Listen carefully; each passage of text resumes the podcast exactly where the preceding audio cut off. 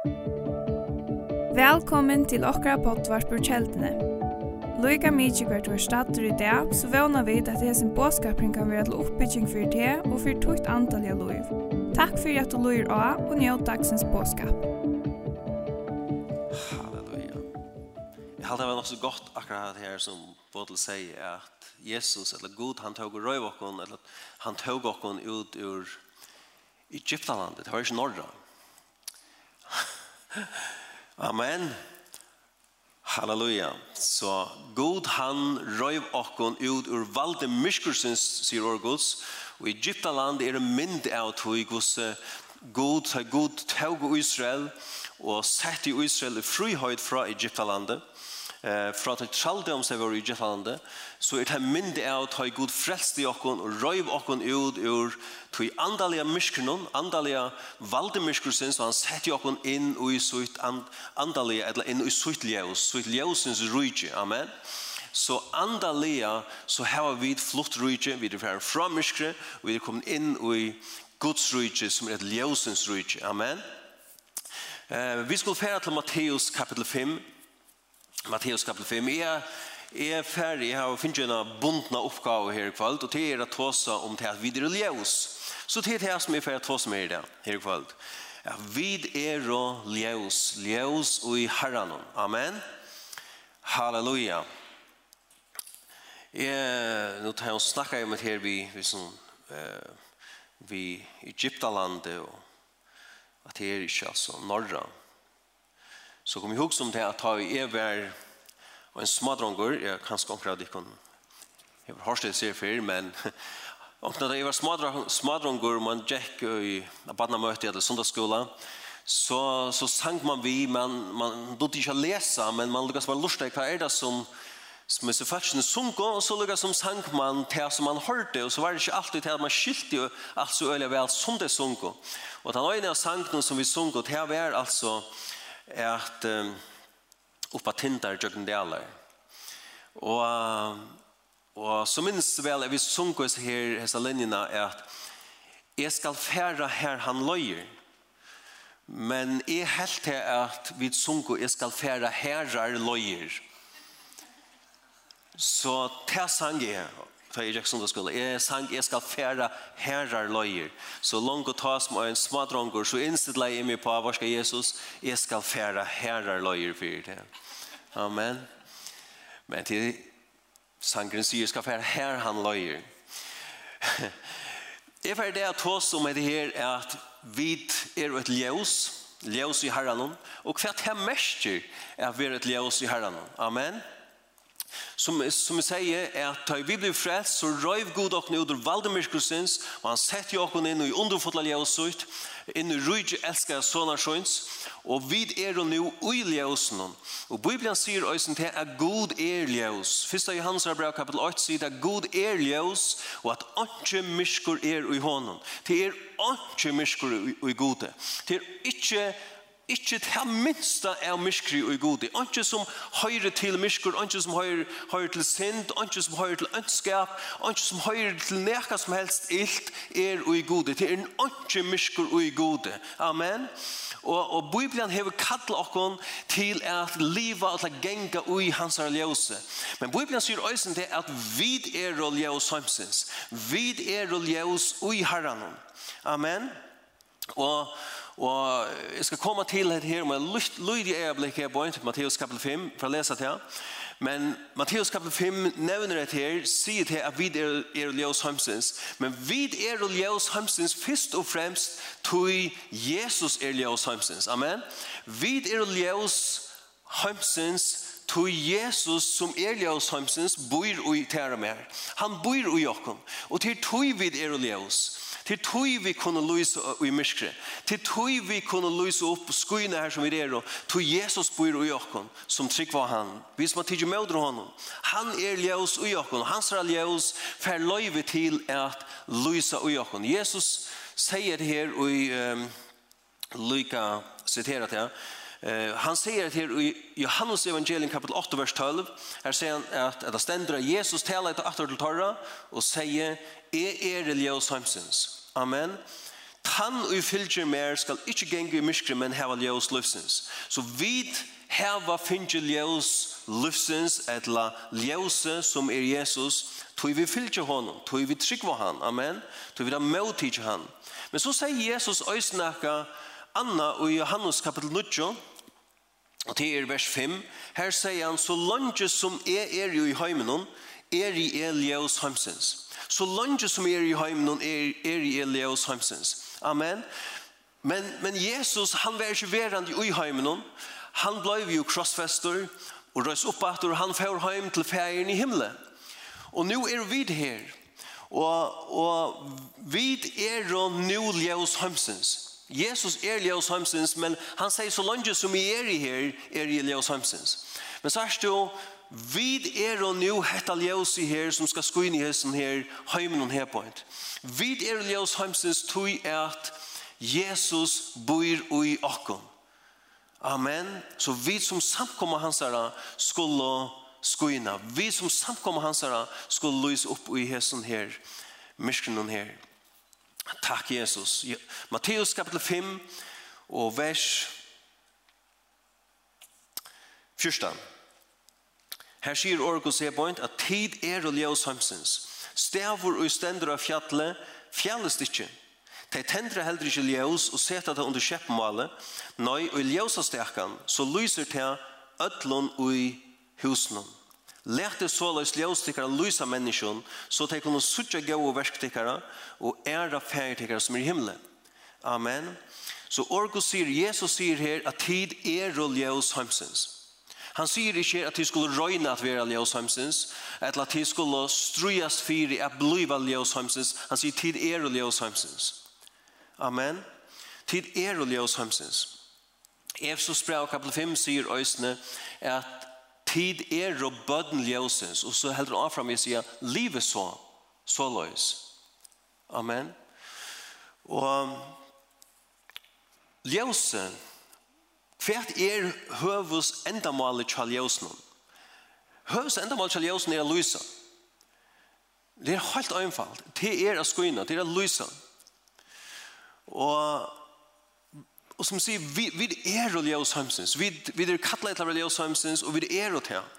Så sa som Jesus på i. Og kanskje to ikke hukser om til så øyne jeg akkurat daglige, men ta vi to erst av godsbaten, ta vi to erst en tryggvande, så erst to heter ljøse. Og folk vil vilja byrja sutja til at du tilhører Jesus. Folk vil vilja byrja sutja til at her bor et ljøs inn i ut her, her bor nek ut her som de vil hava. Du sa at folk vil ha tiltrekt av ljøset. Og de vil ha tiltrekt av sin ljøsen øsne som bor ut her andalige som Jesus Kristus. De, de er ikke øsene få til her.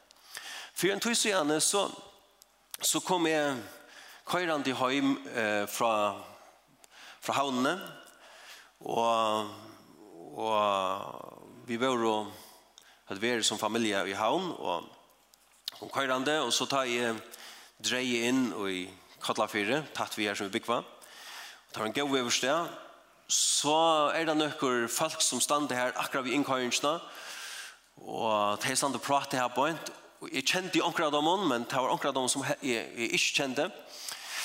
Og ut og jeg kom bare forbi, så så lykkes jeg bare vinske til deg. Og fokuser ikke mer om det, men bare kører vi her, så får jeg ta hjem til inn til åkken her. Og han gikk ikke en lenge løte, så, så ringte han øyne kvinnen eh, til min. Og han sier vi med Olavar, ehm jeg må, jeg må stoppe å prate med det. Jeg sier hvor. Og dette her var altså en, en av kvinnen som hei steg i her på en og, og prata ved veien, og, og, og en, av, en av dem faktisk som jeg ikke kjente. Jeg visste hvor hun var, men jeg kjente henne ikke. Jeg har omgang prata med henne, eh, som jeg minnest. Og, og når han ringte til meg, og sier, jeg vil ha det her som du hever. Jeg sier, hva er det du snakker om? Jo, hva er det her? vi Jesus sier til at jeg jeg vil heva det her. Kan du, kan du ikke ta på prata, med du? Kan, kunne vi ikke snakke sammen? Og jeg fikk så løyve til at jeg snakket med henne og fortalte henne om Jesus vi er. Men jeg også, hva, hva, hva, hva, hva var det for noe? Hva var det for noe som er så øyelig spesielt? Sørst du, jeg, jeg har ikke gjort noe særlig. Men uh, Kanskje var det med måte jeg vinker på som er det spesielle. Jeg do i øyne vel å vinke. Det er ikke, det er ikke sånn her som kjent drottningen og så, men det er Du er støtt ljøs. Amen.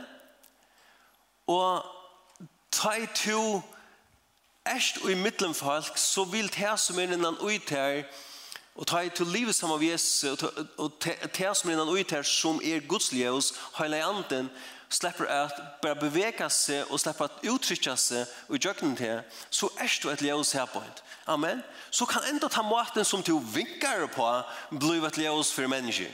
Amen. Enda ta maten som du smilest på, eller hølser på, på folk og så framvig. Enda det kan bli til et ljøs for mennesker. Amen. Amen. Du lyser ikke strujas å være ljøs som en tryggvande. Ta i to lever i samband med Jesus, ta i to lever i, i samfunnet vi han, eh, lever i årene, teker av hans innteker av hans år daglige, byr til han, livet som av honom, så er du et ljøs. Og folk blir letja, letja, vil jeg letja til til merskes. En annan dag i en øysen, ta i skuld fast, ta, ta, ta skuld til og størende i Øysten i Uihavn. Men så stekket jeg lykket, lykket til øren i Kotlafyrje, og, og mitt lykket Jack her av vennen, noen få skritt her etter bygd av vennen. Men så kommer en kona til min, og jeg lykket helst på henne, så sier hun, hei, jeg sier hei. Jeg er helt ångan til å prate med hese her. Og, og jeg vet ikke, men til tog med några få sättningar så pratar vi det här om Jesus.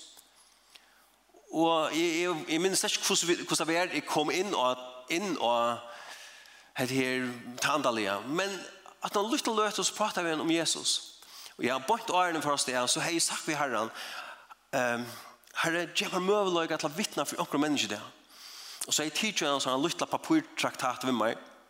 Og så jeg var ikke at, hvis herren lette meg det opp, så vil jeg gjøre en person i traktaten her. Og så prater vi med kvinner, og så sier vi henne, hva skal jeg? Hon måtte fra sted, og jeg måtte fra sted, og sier, hva skal jeg? Jeg har vist her lytte traktaten til den her, som jeg ikke selv skriver traktaten, og en annen med over. Og det stod at lenge er til at han kvinnan, hon les om bare til traktatene, han tenker en jord fra, men når han får få det att nå, eller få vigrat att nå, ta för hon av ett möte. I min tar var missionshuset när jeg kallar för det. Ta for hon og möte, og hon ble frälst. Og hon tok mot Jesus. Och jeg husker meg selv om, det är fantastiskt hur Herren kan virke, er att jeg får løyve till att virke, eller jeg får lov till att vittna för hessar kvinnor, Jeg får lov til å gjøre en traktat som en annan skriver, og hun får et møte Og helt er stedene her en tre personer for lov til løyene til Herren. Amen.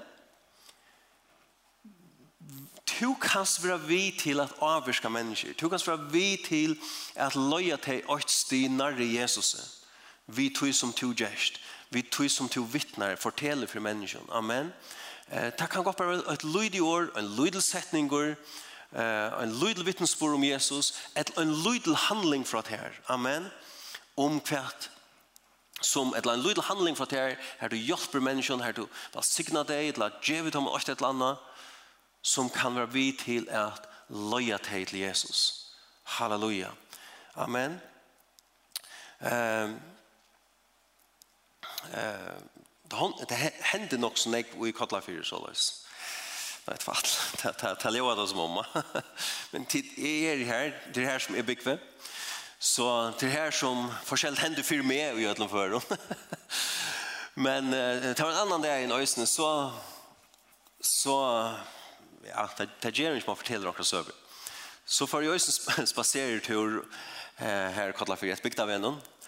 Og det var Øysten så en god oversted, og her sen så en medvår og, og hodger og lydsen igjen fra vennen. Og jeg visste, at jeg visste hvor han var, men kjente han ikke som så. Jeg har ikke snakket sånn jeg ved han.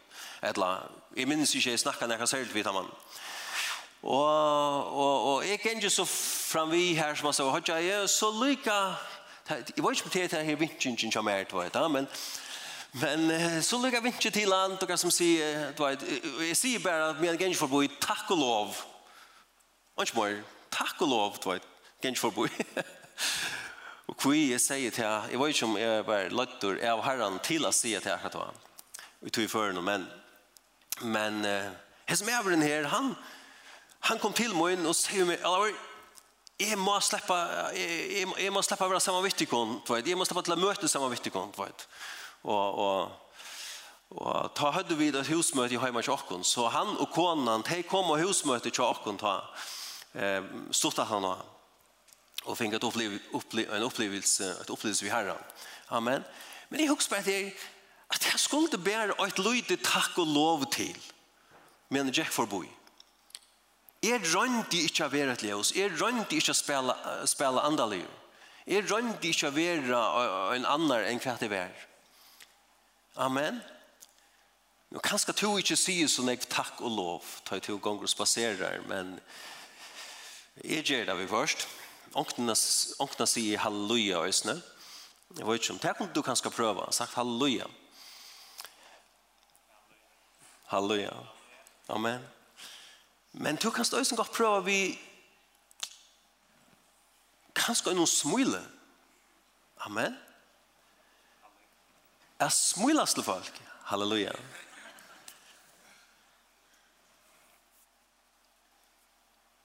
Jeg vet ikke, til som folk som sier at at vi skulle anse etter ikke smulas for nek, eller vi skulle anse etter ikke ha så, så falsk smul opp, ja. Eh, til mestlet at man alltid tåser om til at hava et falsk smul. Det er ikke som tåser om til at hava en falska suramino opp, ja. Ta er vi alltid så autentisk og så verilig, så ekta, da vi er sur. Ja Hvor kunne vi ikke ha smule på? Jeg tykker at Jesus slipper å lyse ut av åkken til å smule til folk. Amen. Folk blir tiltrekt av smule. Og ikke så øyne jeg vil av å ta ved dressur. Jeg vet ikke om det har lagt mest til det, men vi kunne være vid til å lyse og skoene i sin høyme Og i djøkken det som vi gjør, og i djøkken det som vi er, vi til at vi lever sammen med Jesus. Amen. Amen. Vi kunne ber han ut til mennesker. Vi nøyder seg ikke endelig alltid alle leber krav av damen og sier, varska, at nå skal jeg vittne for her om Jesus. Men ver et ljøs for heimen. Ver en sikning for deg. Ver en hjelp og så videre. Ja, men, og, og djevt var et så vil god øyne mulig å lete at her opp dyr til et vittne for heimen, til et fortelle damen om Jesus, eller kommer vi i en liten setning om Jesus her som, her som du erst, som kan være vidt til å løye deg til Herren. Fyre noen år siden, jeg heter fortalt i Øysen, jeg synder, og jeg synder sujene her, og en øren ungdomsmøte. Men for noen år siden, så var det en kona som, og haun, som profeterer i, et eller som har et år, profetisk år til min og, og, og, og Lilian kona mine. Og det var at hun har sett en sjøen, og hon så et ljøs, eller hon så faktisk tvei ljøs, som kommer fra himmelen og av nyer til Kotlafjør. og hon sier, Anna er hos nye ljøsen, hon tevor vi bæg. Og jeg tøper møte og sier, Amen. Takk og lov, Jesus. Amen. Og nå kan också att sida och huxa här sen här med han helt ser verkligen vara att han är ett ljus från himlen och ner. Men först och kvärt tid är ju ett ljus ösne. Så satt som tid att tid med Jesus så är det tid ett ljus fra himmelen og ned, som God har sett til en heimner. Jeg vet vel til at Jesus er Leos heimsens. Han kom inn i heimen som, et, som Leos heimsens, og vi er et Leos tog han bor i okken. Men amen, jeg tror at vi har funnet finnes nøye til at tidlig møte Jesus, tidlig møte hans herre frelse, at han bor i okken, så er vi det ljøs, og så er vi det ljøs at vi stener, her som vi bygger, her som vi er, her som vi gikk skole eller arbeid, så er vi det ljøs her. Amen. Og, og, og som sier, to, vi tar til livet sammen med Jesus, bruker tog sammen med honom, så så kommer du å lyse, så kommer du å skoene her som du er. Um, Legg mest til at uisen her, Matteus kapitel 5, her Jesus sier, han sier, tid er ljøs heimsens. Tid er ljøs heimsens. Han sier ikke at tid er ljøs og i samkomne. Han sier tid er ljøs heimsens. Sørst du, ljøse Det tørver at ljøse skuiner fyrir myskrenom. Amen. Videre kattla at vera et ljøs fyrir myskrenom.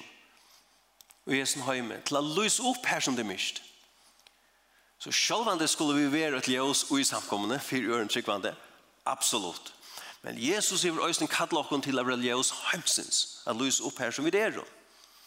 Og, og Jeg har åkne også sagt det her at hva gjerst to fire er at hvis du skal eh, få myskri ut ur hesen bygningen her hvis det har vært køla mist Onkur kan ta oss om til at reka myskri ut driva myskri ut.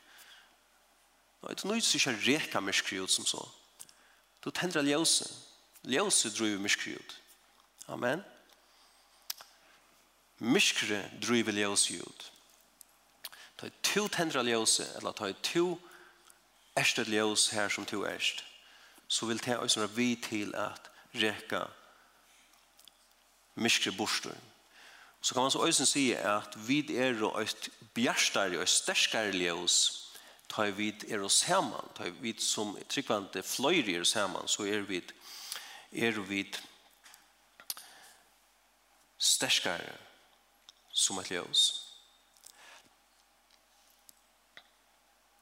Og när så be är at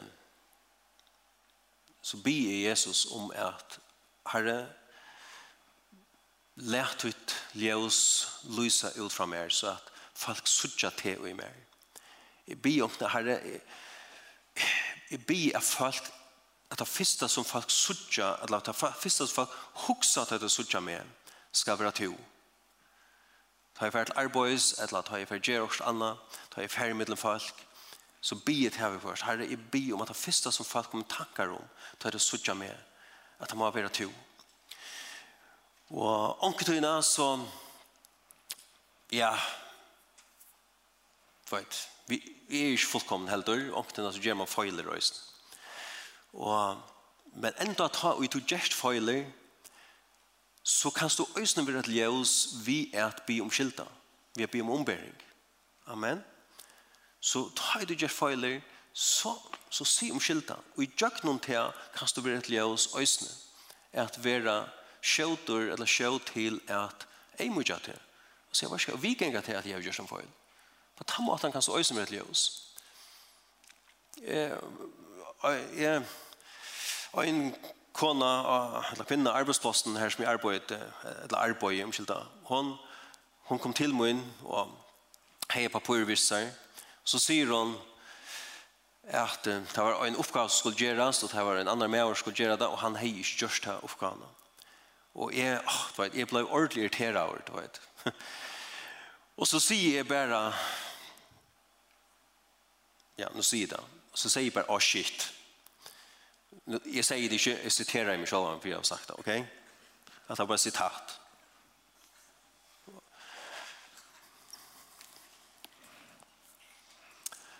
Og du vet, hun hukser ikke noe om det, du vet, og sier, ja, ja, du vet, det er ikke godt, du vet, og så venter hun seg og først det. Kjenner det til at jeg, du vet, det skrier ordentlig innanfor her på en. Hatt, hatt, hatt, hatt, hatt, hatt, hatt, Jeg halte jeg minnes sørste fer ta i bannaist. Jeg halte jeg var 16 år gammal. Ta i seg i bannjord. Jeg minnes den. Jeg halte sørste i tala i her. Ta så som heter jeg sparska fotbollt. Innan dora. Men det var jeg nemlig til en, en fotbollstis innan dora. Her og jeg blei vittler, og jeg sier åkt bannjord, og jeg måtte bli omkylda fyrt. Men jeg minnes enn i det. Ja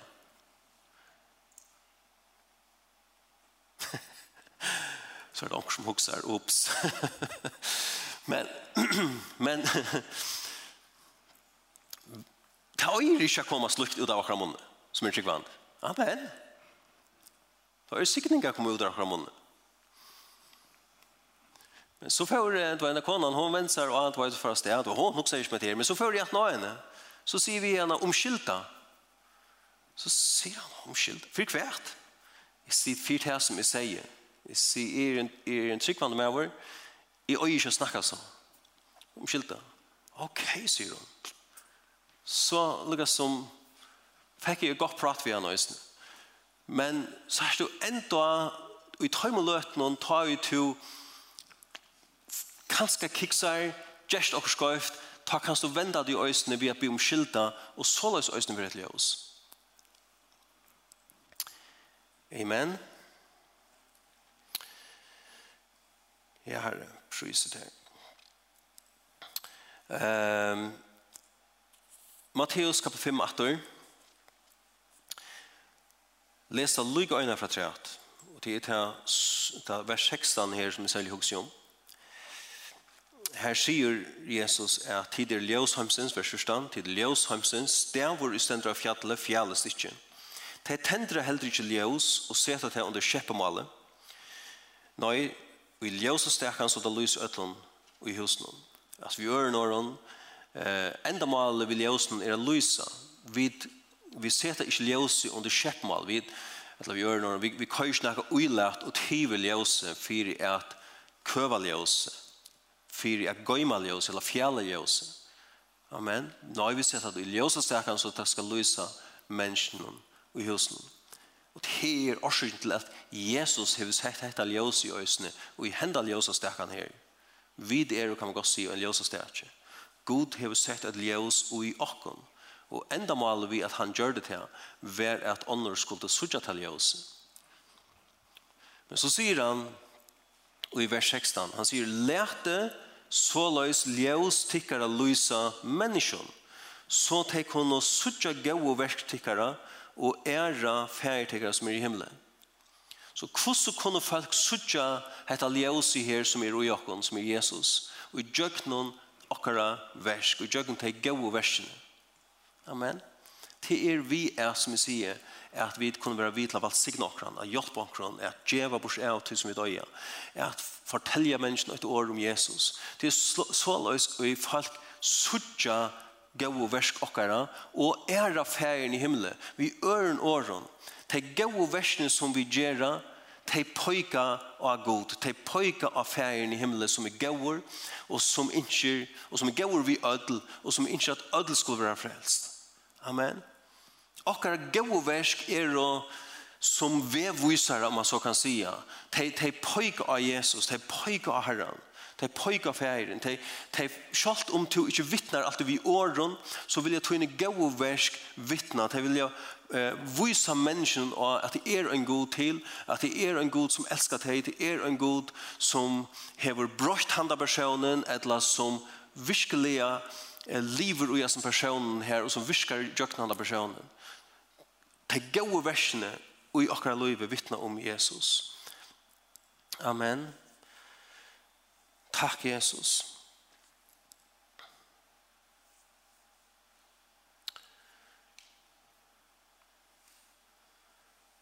Jeg skriver her at for kvann gøy en gjerning som du gjerst i hesen heime, som en tryggvande, så er du vidt til å opp himmelen og gjør.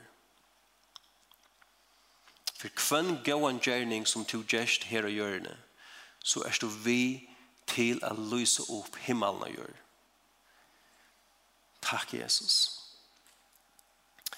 Uh, Læk meg fære til 17. Korint 2.15, og et vers, og som er damer. Ekla vel. 17. Korint brev, kapitel 2, vers 15. Og til han sier så løs, at men gode vær takk, Ja, det hade varit till vers 14. La meg lese det også. Men god vare takk som i Kristi Jesus, eller Kristus i alt det löjer kom fram, till syr och kvörjons steg leter gode enka kunskaparsjöns oppenberes vi också. Og så sier han vers 15, tog vid er og gode enka Kristus her, fyra gode, middeltarra som frelst vera og middeltarra som fortepast. Så vid er og gaui enke kristar, vid er og vid enka av Kristus, vid lukta av Kristus. Amen. Jeg pleier ofte, nå sier jeg til at jeg pleier ofte å bia, eh eller sia vi Jesus at herre jeg, jeg bi at det første som fast skulle sucha er Jesus eller te är te ui mer. Jag fast det första som folk kommer hokse om ta det sucha med, skal være Jesus ui mer.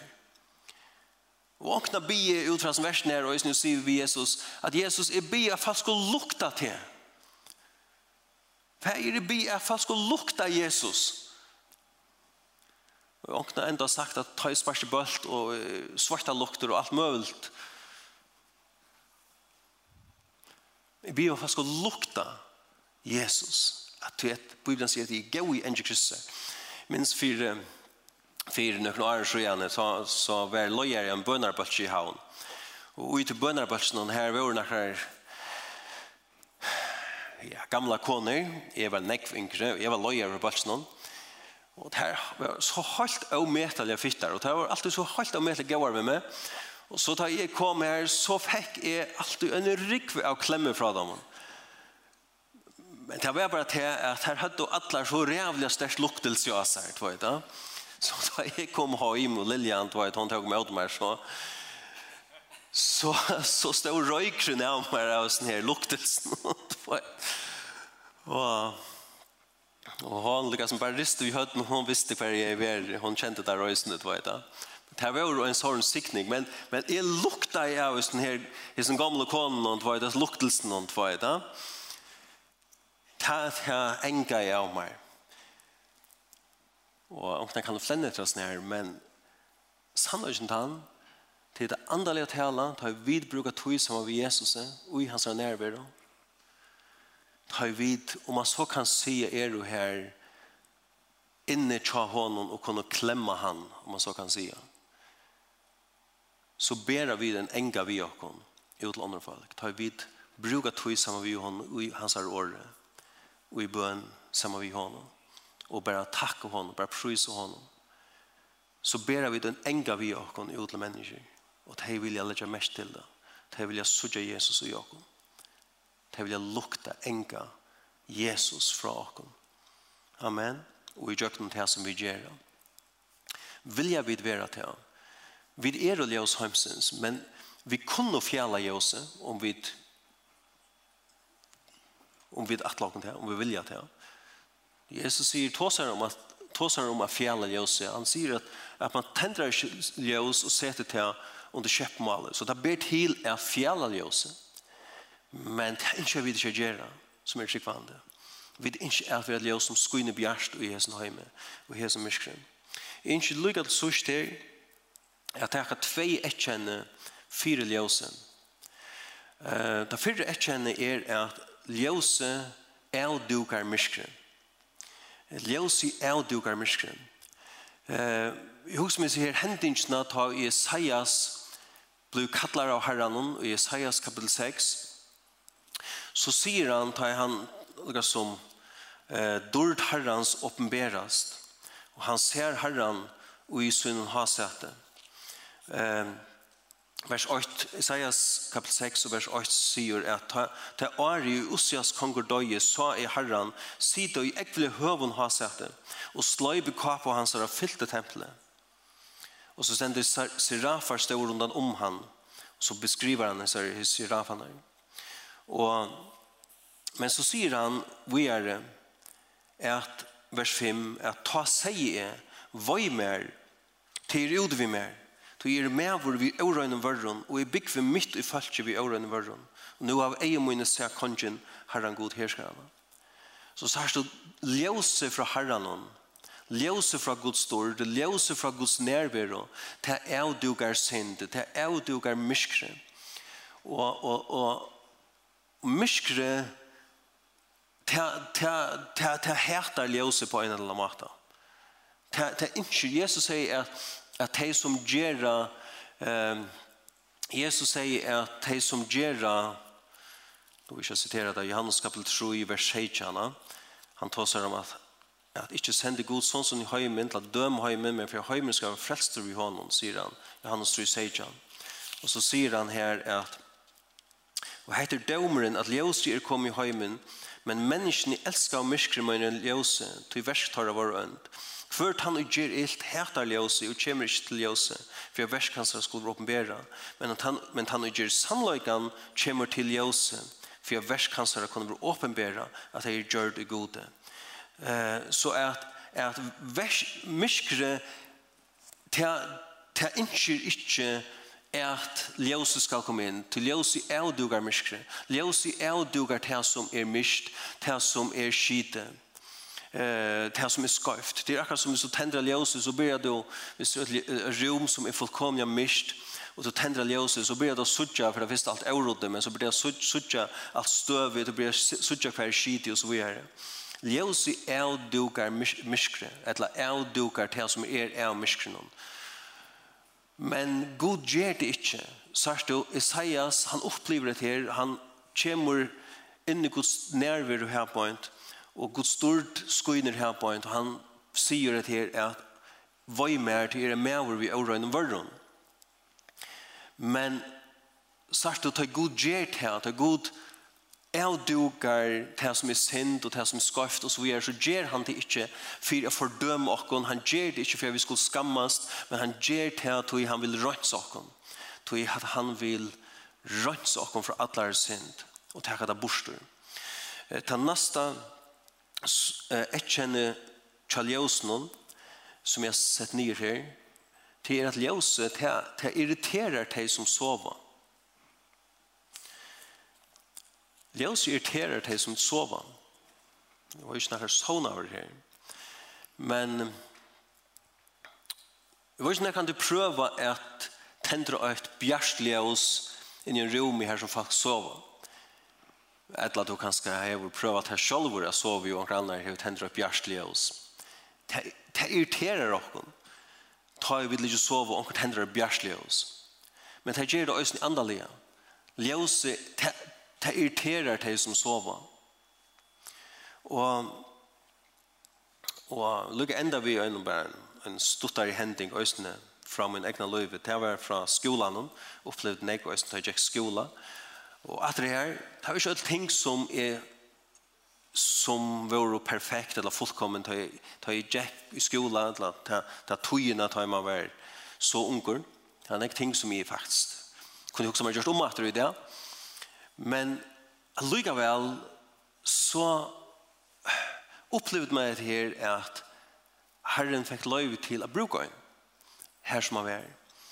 Og så minnes det øyne for, og det var flere ferien vi, vi snakket og vittnet for folk og fikk lov til å fortelle ørenæmingen om Jesus og hadde andakter og kom nekk til andakter, ta og så videre. Det var faktisk en rettelig god tog andalige um, som sier selv om man gjør det imens ting øsne, som man ikke skulle ha gjort, og man engrer, men man fikk lov til å vende om fra øsne. Uh, men så var det her en så var det en affær, jeg minns vel, vi så det i noen, noen uh, flokkshøle, og det var en frugårdstere, Og så sier vi og prater om ims andalige ting, og så er, er void ikke ordentlig hvor så var det, kom inn, prat inn og etter at husgods, Og så var det en som sier, sier at en, en dronker som sier ja, kyrkjan er husgods. Så sier jeg, nei, kyrkjan er ikke husgods. Og han ble så ytler. Og han skjelte meg ut hva jeg helt med vera og så har det. Og jeg skjelte han så husgods. Jeg sier, nei, nei, nei. Kjeldan er heldig husgods. Jeg sier, Bibelen tåser om det her at de som har møtt Jesus Kristus inn i sitt hjerte, de er og tempel og helligandans, de er og bostad og gods, de er og hus herrens. Amen. Nå, jeg vet vel til, jeg heter Øysen Husgods, jeg vet vel til at til stedet som folk samlast er Øysen Husgods som så. Men Men vi er jo først og fremst husgods. Amen. Vi er jo først og fremst bostav gods som har tidsmål i Jesus. Men han, han ble jo ødelførende noe ytler akkurat hva han. Og jeg røste meg bare og fører ut og setter meg i kantina.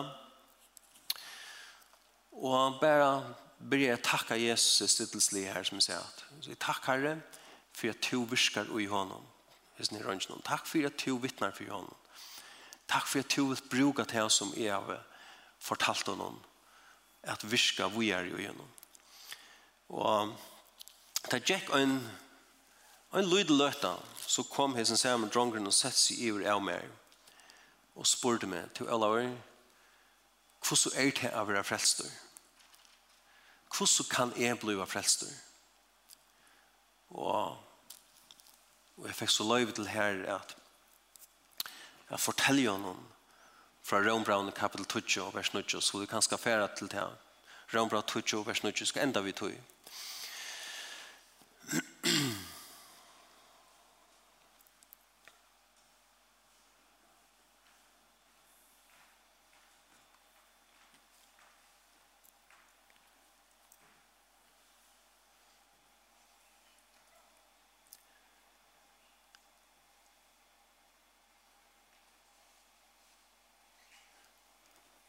Brombra 29 sier Tui omtu vi munnen hon jottar Jesus som herra og trus du hjertan av god røstan fra en deg så skal du være frelst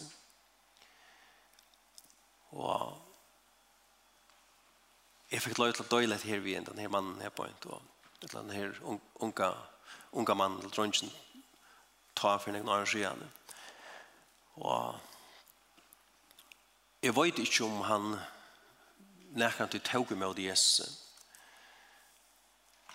Men på en kjammer er til til alvorst kvært mennesker kunne reagere på imska måter, men to kanst djeva menneskene et år om Jesus. Og selv om det ikke er fullkomme, maten som du sier det på helder, så kan Gud bruka til året. Amen. Så kan Gud teka til året, og Gud kan bruka til året til at loja mennesker til så vi. Og det var ikke hvordan to hever det som erst her det. Om to øyer Jesus, om to øyer Jesus som to frelser inn her. Men så skal to øyne, to kan øyne få lov til å ta mødre hånden her det. To kan få lov til at handla opp på hette verset her. At gjøtta Jesus som herre, og at trygg var han, og ta mødre hånden her det. Og at kom inn i hans religiøs, og oppleve det her, at løyve brøytes, ditt liv brøytes, og du kan finne frels og visse i ditt liv. Og ditt liv vil brøytes, og et annet etkjenne for, og et annet som ljøse gjør faktisk øsene. Og det er at, utan ljøs så er du unga liter. Utan ljøs så er du unga liter. Livet er bare grått, innihalsløst, tømt, utan sannanfri, sanna glede ta Jesus ikke i okra livet. Men ta Jesus kommer inn så brøyder han alt. Han gjever okkur satt liv, sanna glede, sanna fri. Og han gjever okkur viss om frelse og av et liv eisne. Halleluja.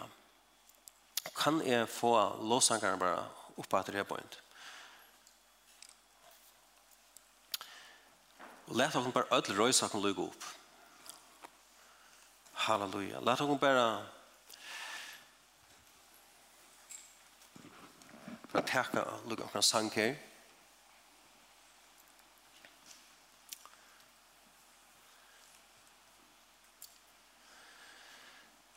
Fægir, vi bare prøyser til Herre. Vi takker deg for Jesus, at du er slik oss hemsens. Takk for Herre, at du elskar okkon Herre, og du ikke kommer vi tøyne ljøse inn i okkar lov, Herre. Du ikke, Herre, at frelse okken, du ønsker at grø okken, du ønsker at sette okken frihøyd, og du ønsker at gjøre vel, du ønsker at komme ved ødelen tog som høyre til ljøse inn i okker liv. Det som er bråte, det som er dekt, det som er sløkna, det som er grått. Jesus, du ønsker at lyse opp alt okker hjerte, du ønsker at lyse opp alt okker liv. Herre, takk for det, Herre. Takk for det at her, øysen som det er storan, her som det er øyte, her som det er engest, her engest to øyne kom inn vid en ljøse til å reka bostor til han myskre, til å reka bostor til han øytan. Herre, takk for det, Herre. Herre, priset her. Takk for Jesus at du er svære til okra loiv. Og jeg takk for at du er svære til høymen. Og jeg takk for at vi kunne være ljøs høymsens, Herre. Vi kunne være ljøs i Jesus myskre, Herre. Jeg priset her for det, Herre. Takk for Jesus. Takk for Jesus. Takk for Jesus. Takk fyrir Jesus. Halleluja. Vær her som du stendur. Skulle vi takk en avgjør her i kvalt om at vi øyne vilja være øyne oss. Vi øyne vilja lysa her som vi er. Amen. Tu som er med til Jesus. Tu, tu erst ljøs i herren. Men skulle vi takk en avgjør om at vi vilja lysa, skyna, og omboa Jesus her som vi er. Amen. Halleluja. Halleluja. Halleluja. Fægir, vi takkar til her. Vi din ikke bare at halga okkon her det. Vi din ikke bare at i vi djev okkon bæra til tøyen herre. Og vi din ikke bare, herre Jesus, at du skal øy okkon fullt og holdt. Og herre, jeg ikke bare bia for øyne som er her i kvöld, herre, jeg møter noen. At du, herre, skal hjelpa øyne kvarn som er her i dag til å være et ljøs, til å være vittne i sin gjerans deg, Herre. Og til å bære til Jesus ut til hendan dødjande og hendan brottna høym, Herre. Takk, Herre. Takk, Jesus. Takk, Jesus. Takk for at du viskar i okken her i kveld. Takk for at du og i okken et ivigjevelse, Herre, til tøyen. Til å liva fyr til. Til å lysa fyr til. Halleluja kanskje Herren pojkar av noen ting kanskje ut en liv i akkurat nå som som du kanskje burde lagt av. Kanskje ljøse fra hånden avduger kanskje akkurat her i kveld som du burde lagt av. Men han kommer ikke i fordøming men han kommer for å hjelpe til her for å rønse til for jeg tog hans være sterskere ljøs for han Takk Jesus for at du rønser og at du fyrer djøver